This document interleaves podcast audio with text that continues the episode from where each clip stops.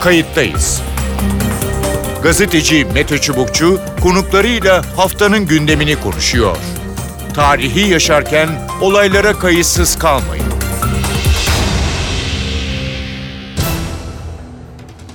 İyi günler. Bir kayıttayız programıyla daha karşınızdayız. Tarihe ışık tutmak ve olan biteni anlamak için önümüzdeki dakikalarda sizlerle birlikte olacağız. Ben Mete Çubukçu, editörümüz Sevan Kazancı. Ukrayna Savaşı'nda ateşkes umutları azalıyor, çatışma şiddetleniyor. Savaşın yeni adresi Donbas bölgesi olacak. Rusya Donetsk ve Luhansk'taki askeri yığınağını tahkim ediyor. Tüm planlar uzun soluklu bir çatışma üzerine kuruluyor gibi. Sembolik açıdansa Rusya önemli bir kayıp yaşadı. Karadeniz filosunun amiral gemisi Moskova battı. Ukrayna biz vurduk derken Ruslar mühimmat patladı diyor. Diğer yandan savaşta değişen bölgedeki güvenlik durumu sonrası tarafsız ülkeler İsveç'te Finlandiya NATO'ya üyelik başvurusuna yapmaya hazırlanıyor. Ancak bu durum Rusya'da endişe yaratıyor. Kremlin bir kez daha nükleer söylemde bulundu gözdağı verdi. Kayıttayız da savaştaki yeni çatışma alanını İsveç ve Finlandiya'nın muhtemel NATO üyeliğini askeri ve siyasi dengeleri nasıl etkileyeceğini konuşacağız. Konuğumuz olacak. Kayıttayız'ın konuğu Gürsel Tokmakoğlu. Gürsel Tokmakoğlu Hava Kuvvetleri İstihbarat Dairesi eski başkanı emekli kurmay albay. Hoş geldiniz programımıza. Hoş bulduk. Ne dersiniz bir buçuk ayı e, geçti. E, başlangıçtan daha farklı bir e, noktada Ukrayna-Rusya savaşı ya da Rusya'nın saldırısı ya da e, işgali. Kuzeyden askerler e, çekiliyor. E, daha çok e, doğu kısmında yoğunlaşıyor çatışmalar. Ama şuradan başlamak istiyorum. E, Rus deniz kuvvetlerine bağlı amiral gemisi denmekte Karadeniz filosunun e, Moskova isimli önemli bir e, krovazör herhalde savaş gemisi e, batırıldı. İçerideki patlayıcılar mühimmat patladı dedi Ruslar. Ukraynalılar biz vurduk dedi. Ne dersiniz? E, vuruldu mu patladı mı ve bu geminin önemi nedir? E, vuruldu. Yani e, tabii şimdi burada e, Moskova yönetiminin hem içeriye hem dışarıya vereceği mesajlarda e, dikkatli olması gerekiyor. Dolayısıyla burada bir enformasyon savaşı da oluyor. E, bunu göz önünde bulundurarak hani e, böyle bir açıklama yapması normal ama gerçekten oldu, vuruldu. E, bu vurulmasıyla ilgili senaryoyu zaten e, esasında şöyle düşünmek lazım. E, bütün her şey hı hı. bu 10 e, 25 25 e, Mart'ta e, Rusya birinci safha bitti, ikinci safha başladı hı hı. dedi ve bunun arkasından birliklerini e, yeniden tertiplendirdi ve esas amacı olacak o noktaya yöneltti yani Donbas bölgesine. Yani şu anda çatışma hem güney ekseninde devam ediyor ki içerisinde hassas bir yer olan Mariupol'da işaret ederek söyleyelim. Hı. Ama bu güneyde dediğimiz Odessa'ya girmiyor işte. Her son bölgesi ki burası su kaynaklarıyla önemli. Hı hı. Hatta Kırım'ın suyu bile oradan geliyor. Yani e, o bakımdan düşünmek lazım. E, buradan Zaporizhzhia dediğimiz o bölge biraz daha yukarı çıkarsak Dnipro ama yani yukarıdan e, aşağıya doğru dümdüz bir hat çektiğinizde Kırım'a gelen yol hattı zaten o bölge. Evet. Şimdi e, esasında Rusya ne yapacağına tekrar karar verip birliklerini yeniden tertip edip komutanlarını değiştirip hatta ilave takviye birliklerle buraya yönelince masa kurulur ve barış olur diye beklentiler arttı ki bende de öyle. Evet. Yani neden? Çünkü e, Kırım alacaktı. E, Donbas'taki durumu kendi lehine çevirecekti. E, burada itilaflı az bir alan var. Onun ötesinde e, zaten Ukrayna NATO'ya girmeyecekti. E, dolayısıyla masa kurulacaktı hı hı. ve böylelikle Amerika, İngiltere ve onun gerisinde başka güçler diyelim e, bu durumu kabul etmek durumunda kalacaktı. Yani burada sıkışan alan Rusya'nın e, işte o 25 e, Mart'ta yeniden düzenlediği alan üzerine kurulunca ondan sonra bizim gözümüz birçok diplomatik informatik ve sahadaki provokatif olaylara döndü. O kadar hızlı bir gelişme oldu ki burada Buça, e, Kramatorsk, ne bileyim işte e, bir kimyasal saldırı var mıydı yok muydu Mayropol'da. Yani tartışmalı olan şeyler de var bu saydığım şeyler. Evet. Ama informatik olarak bunlar varken Boris Johnson geldi Kiev'de sokakta gezdi ve Odessa'dan gemilere atılacak Harpun füzesi vereceğim sana dedi. Hı hı. 9 e, Nisan'da. Şimdi o zaman ben de aklımdan geçirdim dedim ki ya bu Harpun füzesi zaten Ruslar saldırmıyor. Gemiler orada denizin ortasında sabit duruyor. Hı hı. Yani orada kaç gemi olduğunu biliyoruz. Ne yaptıklarını biliyoruz. Hiçbir şekilde deniz tehdidi yoktu orada. Odessa'ya da saldırı yoktu. Bir hani böyle e, denizden topa tutma vardır. Mesela dünya savaşlarında biliriz. Yok öyle bir şey. Dolayısıyla şimdi bir yılan hikayesi yani yılan adası gitti geldi. Hı hı. E, onu söyleyebiliriz. Onun dışında Odessa bölgesi sakindi. Ama Harpun lafı çıktı üstünden eyvah burası ısıtılıyor diye insanın aklına gelmiyor değil. Ha, tam da işte öyleyken e, tabii NATO'nun istihbarat desteği, Global Hawk dediğimiz o stratejik e, istihbarat e, Hı hı. İHA'sı bölgede uçuyor. Bunları izliyoruz, gözlüyoruz derken işte e, bu gemi hadisesi meydana geldi. Ne, ne yapıldı? Neptün diye bir füzeleri var. İmkan ve kabiliyetleri dahilinde. E, vurabilir mi? Vurabilir. E, ama çakılı duran bir donanma var orada. Yani o da denizcilik Hı. prensiplerine hiç uymayacak bir şey. Ve dolayısıyla hatalar zinciri ve Batı'nın istihbarat desteğiyle Neptün füzesi ve Ukrayna burada şimdi Odessa bölgesini çatışma alanına soktu. Peki. Şunu sormak isterim. Ee, 24 Şubat'ta başladı. 25 Mart'ta ikinci e, faza geçildi e, dediniz. E, tabii ki yani askeri olarak belki konuşulacak bir sürü şey var. Ne dersiniz? Yani hani başarı, başarısız ya da Rusya'nın ne yapıp yapmadığı, Ukrayna'nın böyle hani bir özetler misiniz askeri olarak? Şimdi e, benim zaten hani askeri cephe olarak e, Baltık'tan Karadeniz'e kadar Doğu Avrupa'yı ben e, savaşın esas cephesi olarak tarif ediyorum. NATO Yani sınırlarını yani. Tabii ki. Hı. Yani bu bu stratejik bakış açısı içerisinde hep e, öyle değerlendirdim konuyu. Ukrayna bir operasyon alanı. Yani askeri tabirle operatif harekat yapılıyor Hı burada. hı. E, bu operatif harekatın birkaç günde biteceğini düşünmüş idik. E, bütün dünya olarak. Ama öyle olmadı. Burada e, karada nasıl denizde hata varsa karada da Rusya'nın birçok hatası oldu. Çok geniş bir alana yaydı birliklerini. Bir ayı kaybetti. Başarısızlık diyebiliriz. Bir aylık o boş zamanda Hı hı.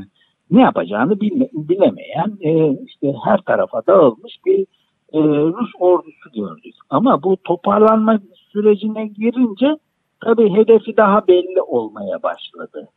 E, böyle bakabiliriz. O aslına bakarsanız işte o 25 Mart'ta Rusya'nın söylediği söz tam da benim işaret ettiğimi destekliyor. O ne? Benim yaptığımın adı özel operasyondur dedi. Yani stratejik değil de operatif bir durum. Ukrayna'daki.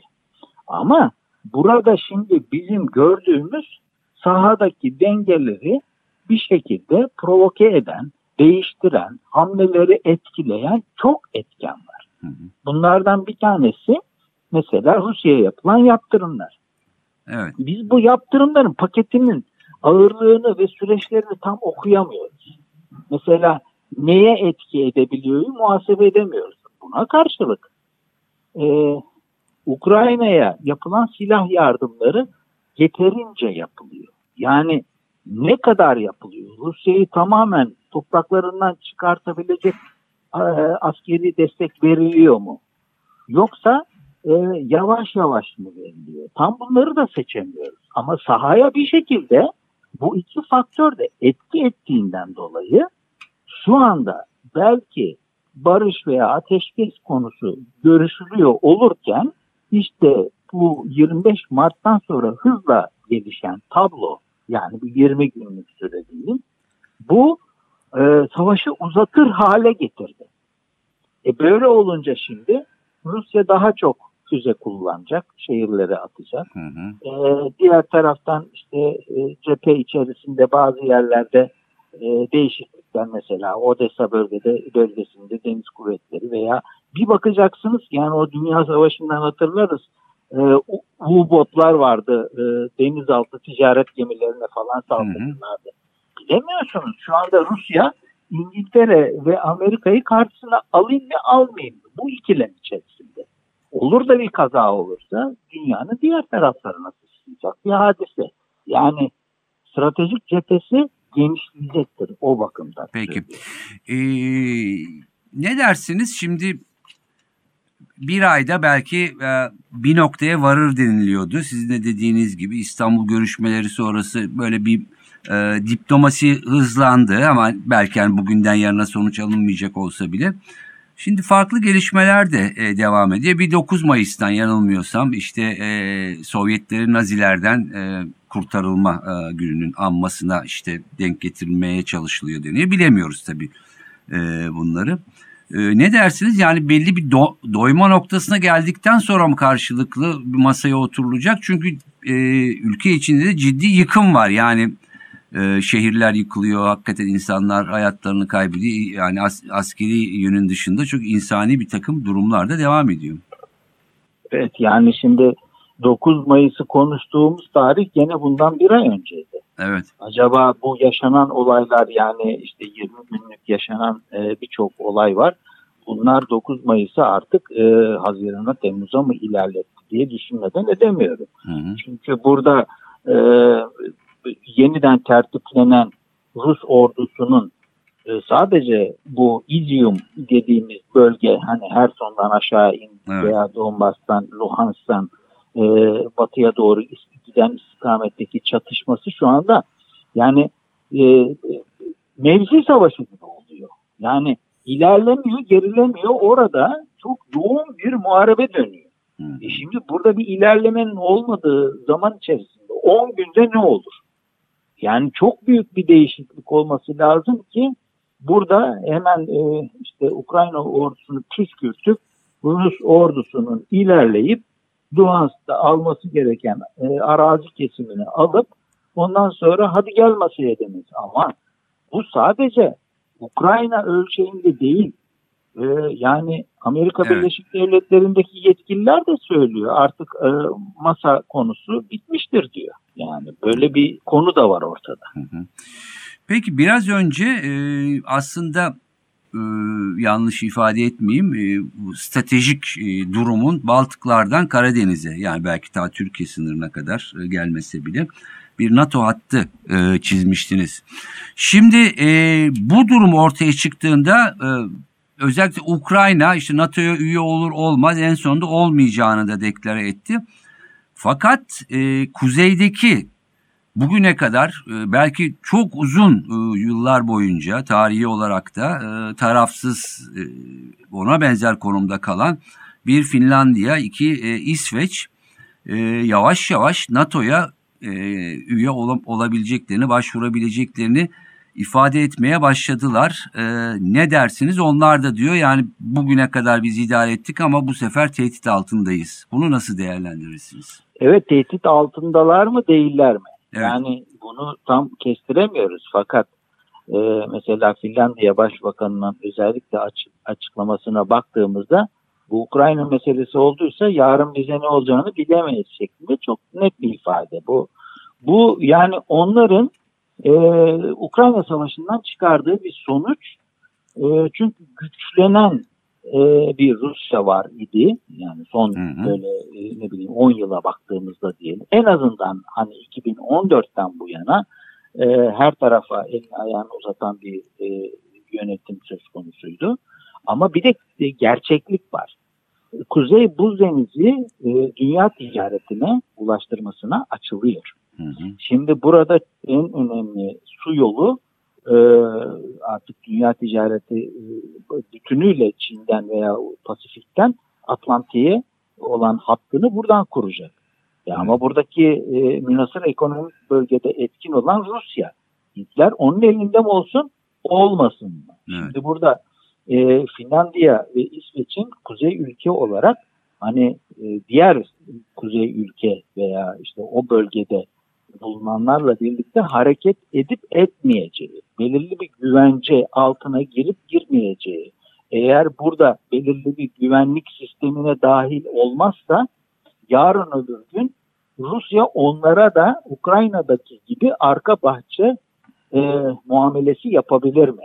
Hı. Yani bu soruları önümüzdeki dönem diyelim ki 10 yıl sonra hesap ederek bugünkü gelişmelere de bakarak İsveç ve Finlandiya diyor ki ben kendimi güvenlik altına almam lazım ve en yakın hani kültürel bağlarla veya diğer hususlarla politik açı, açıdan e, NATO'ya girmem lazım demeye başladı ve bunda da Finlandiya e, çok daha erken davranan taraf oldu. Evet. Ama ikisi de Kuzey Buz Denizi'nin artık e, ısınmasını e, bu şekilde kendilerine güvenlik Hı hı. sistemiyle bağlıyor.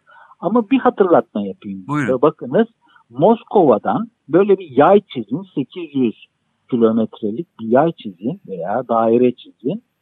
Eğer ki Moskova'nın güvenliğini düşünürseniz sadece o perspektiften bakarsanız Hı hı. Polonya'dan Moskova 800.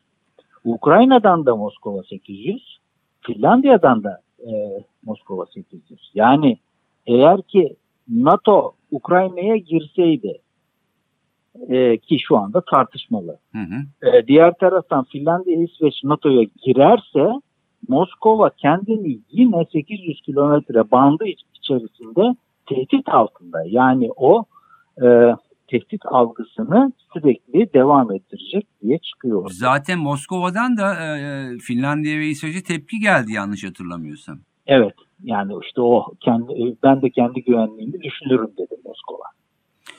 Peki son şunu sorayım. Kısa da bir yanıt verirseniz sevinirim. Ee, peki bu tehdit algısı e, şimdi yani soğuk savaş bitti. Yani o şey sınırlar ta Doğu Almanya, Doğu Berlin'e kadar e, uzanıyordu. Yani tırnak içinde güvenlik sınırları diyelim. Şimdi o sınır e, azaldı. E, bir takım ülkeler girdi. Mesela e, Polonya üye efendim. E, Romanya var değil mi? Macaristan e, var.